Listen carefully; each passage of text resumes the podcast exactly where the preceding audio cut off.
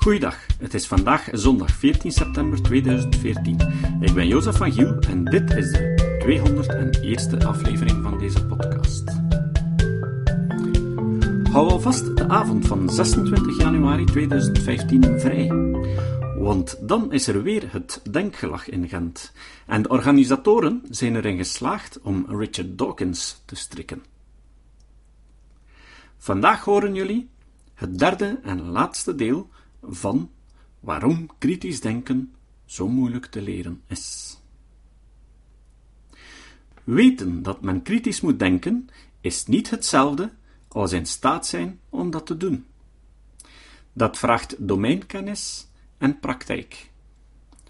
Studies van het Philosophy for Children programma zijn daar een typisch voorbeeld van.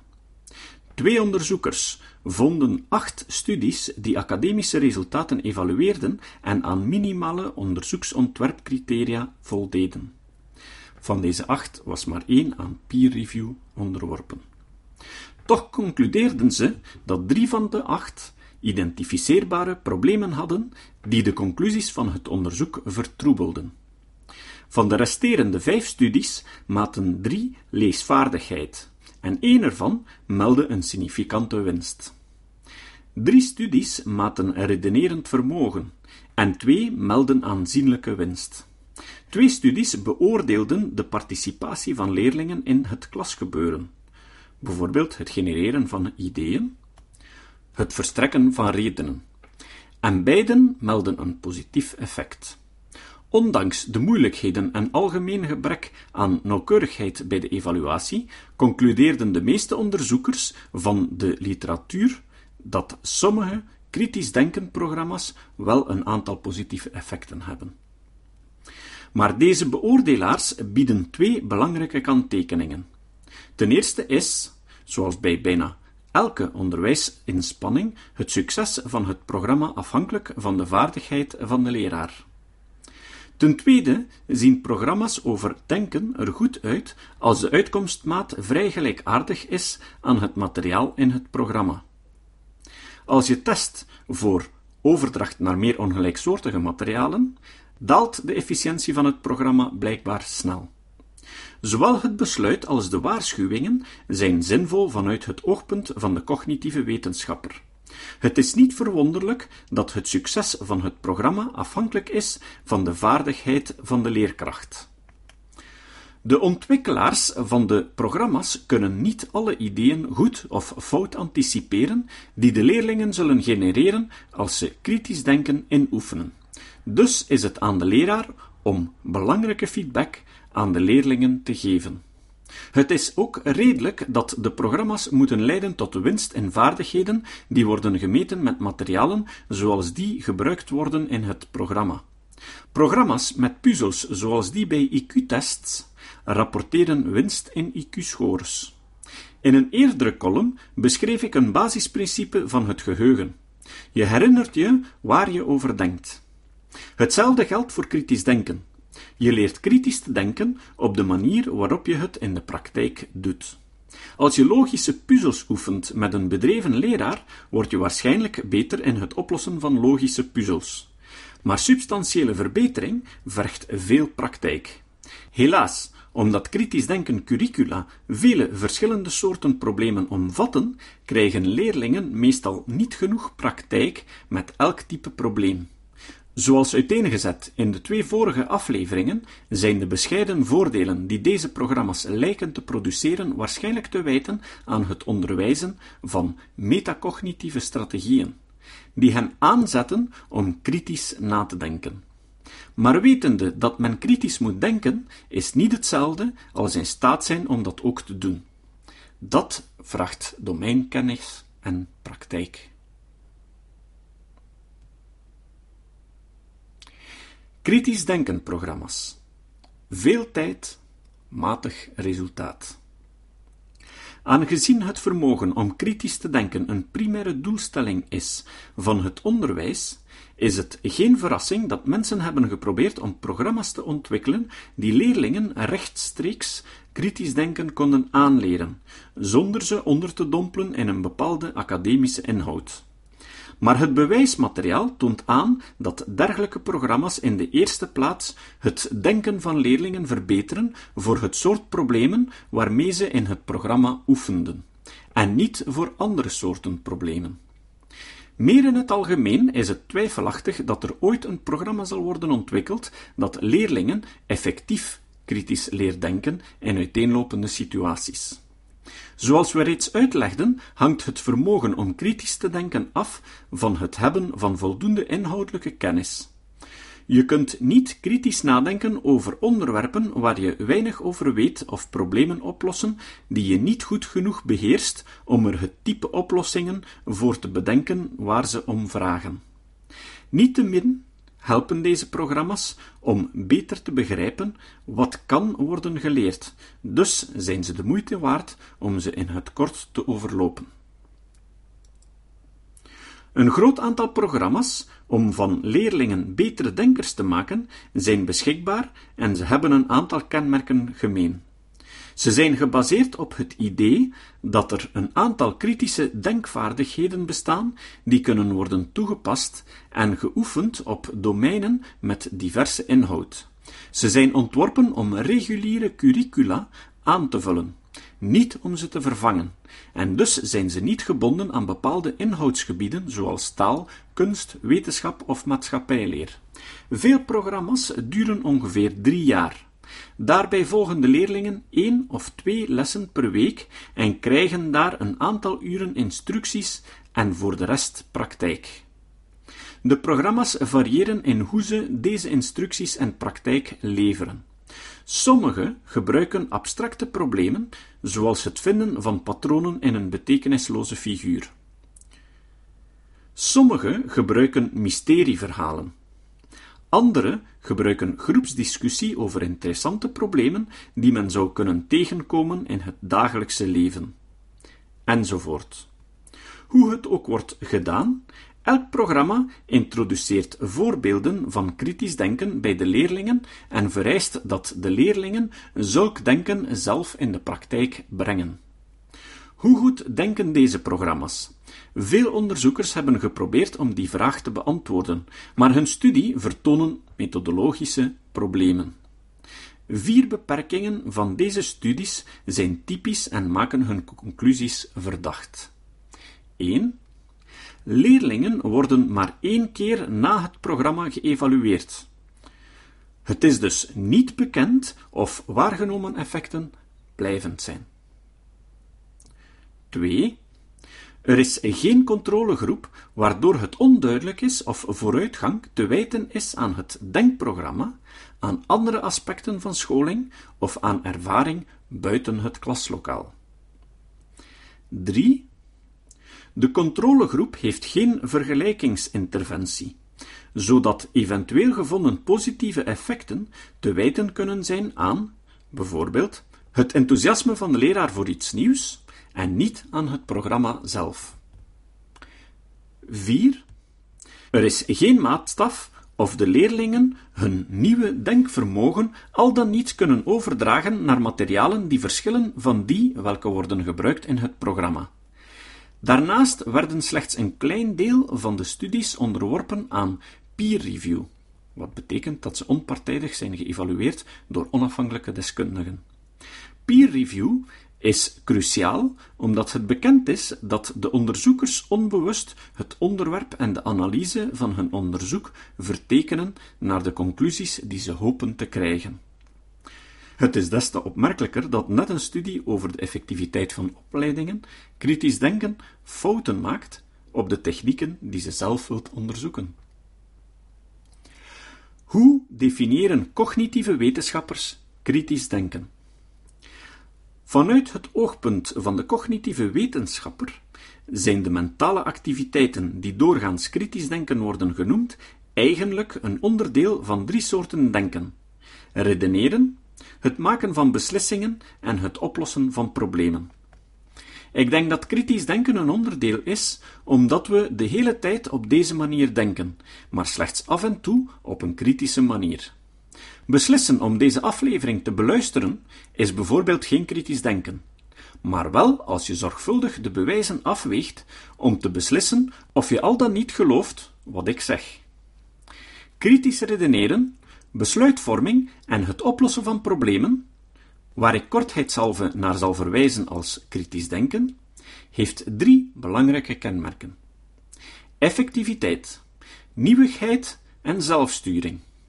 Kritisch denken is effectief doordat het veel voorkomende valkuilen vermijdt, zoals slechts één kant van een probleem zien, verwerpen van nieuw bewijs dat je ideeën tegenspreekt, redeneren vanuit passie in plaats van logica, verklaringen niet ondersteunen met bewijsmateriaal, en ga zo maar door. Kritisch denken is nieuw in de zin dat je je niet alleen maar een oplossing of vergelijkbare situatie herinnert. Zo is het oplossen van een complex, maar vertrouwd fysica-probleem voor het toepassen van een meerstappen-algoritme geen kritisch denken, omdat je dat doet op geheugen. Maar de uitwerking van een nieuw algoritme is wel kritisch denken. Kritisch denken is zelfgericht, doordat de denker zelf het initiatief moet nemen. We zouden een leerling niet veel krediet geven voor kritisch denken als de leraar hem bij elke stap zou moeten helpen. Kritisch denken onderwijzen. Leerlingen kritisch leren denken staat hoog op het verlanglijstje van elke leraar. Welke strategieën zijn consistent met het onderzoek? Speciale programma's zijn de moeite niet. In het stuk Kritisch denken programma's, veel tijd, matig resultaat, heb ik een paar van de betere bekende programma's opgesomd. Ondanks hun ruime beschikbaarheid is het bewijs dat deze programma's erin slagen leerlingen kritisch te leren denken, vooral in nieuwe situaties zeer miniem. De bescheiden verbetering die dergelijke programma's kunnen opleveren, moet, evenals alle aanspraken van educatieve effectiviteit, worden afgewogen tegen hun kost. Elk uur dat leerlingen besteden aan het programma is een uur waarin ze niets anders leren.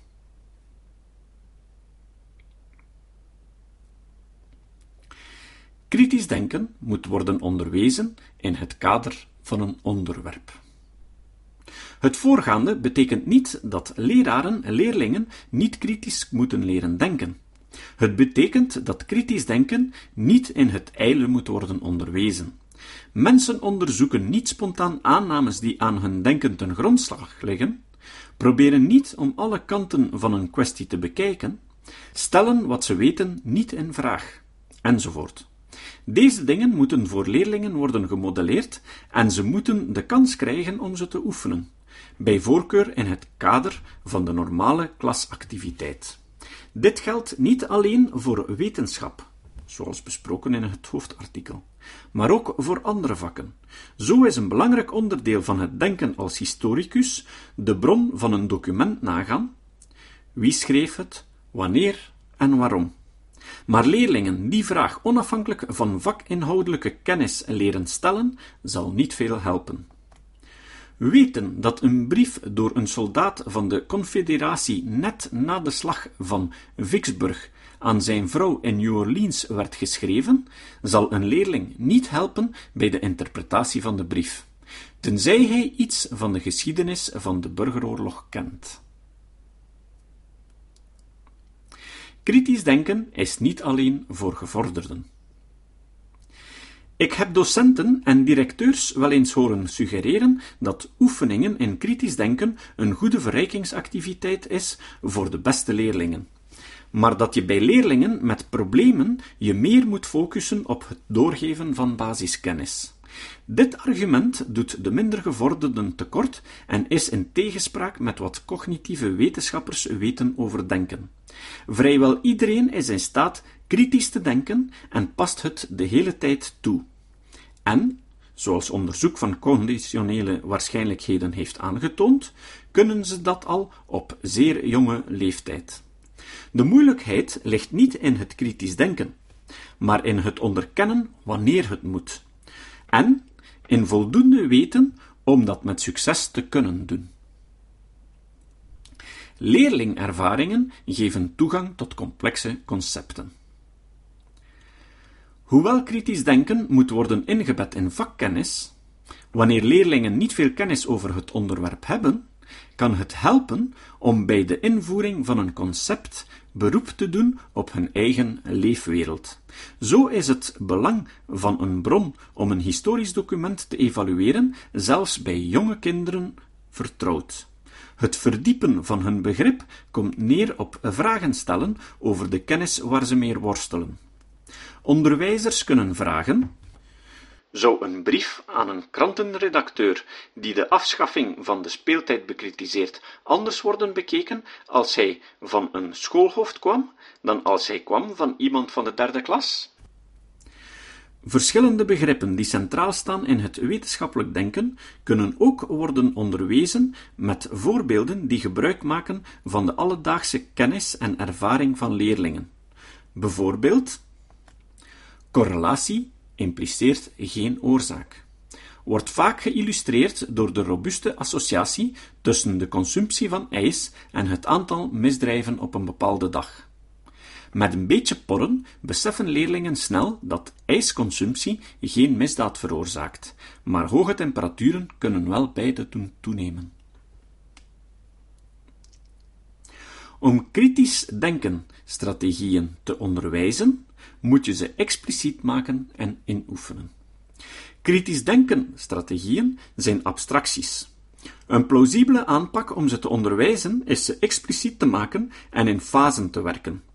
De eerste of meerdere keren dat het concept wordt geïntroduceerd, leg je het uit met ten minste twee voorbeelden. Eventuele voorbeelden uit de leefwereld van leerlingen, zoals hierboven besproken toon je aan dat het een strategie is die kan worden toegepast op verschillende contexten en hoe ze van toepassing is op de inhoud van de cursus.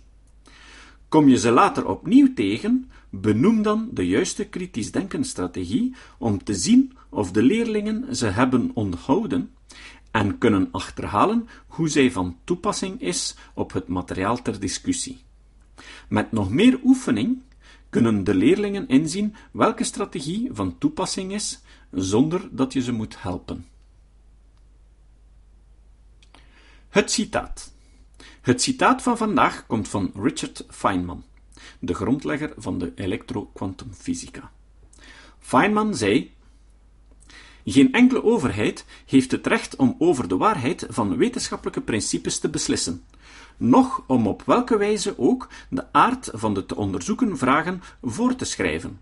Net zo min mag de overheid niet vastleggen wat de esthetische waarde is van artistieke creaties of de vormen van geletterdheid of artistieke expressie beperken. Ze zou zich nooit mogen uitspreken over de validiteit van economische, historische, religieuze of filosofische doctrines. In plaats daarvan heeft ze de opdracht tegenover zijn burgers om de vrijheid te vrijwaren om die burgers te laten bijdragen aan de verdere ontwikkeling van de menselijke soort. Tot de volgende keer. Deze podcast is het resultaat van het werk van veel mensen. Rick de Laat verbetert bijna al mijn teksten en maakt de meeste vertalingen. Emiel Dingemans verzorgt onze website en Facebookpagina. Ook Leon Korteweg en Stefan Sutens schrijven, vertalen of verbeteren soms artikelen. Leon onderhoudt bovendien het YouTube-kanaal van deze podcast. De muziek van de intro en de trailer heeft Nick Lucassen geschreven en soms maken we ook gebruik van muziek van Ad van Nederpelt, die ons zijn prachtige composities ter beschikking stelt. Dit was de podcast Kritisch Denken. Vergeet niet om alles kritisch te behandelen, ook deze podcast. Voor verdere informatie over deze podcast, links en voor de tekst, surf naar www.kritischdenken.info. Als je deze podcast belangrijk vindt, kun je me steunen door anderen warm te maken ook eens te luisteren. Stuur een e-mail naar vrienden met een link naar de website en plaats de link in de handtekening van je e-mails. Tevens kun je op iTunes deze podcast een beoordeling geven of een recensie schrijven. Of je kan op je eigen website of blog een link naar kritisch denken plaatsen.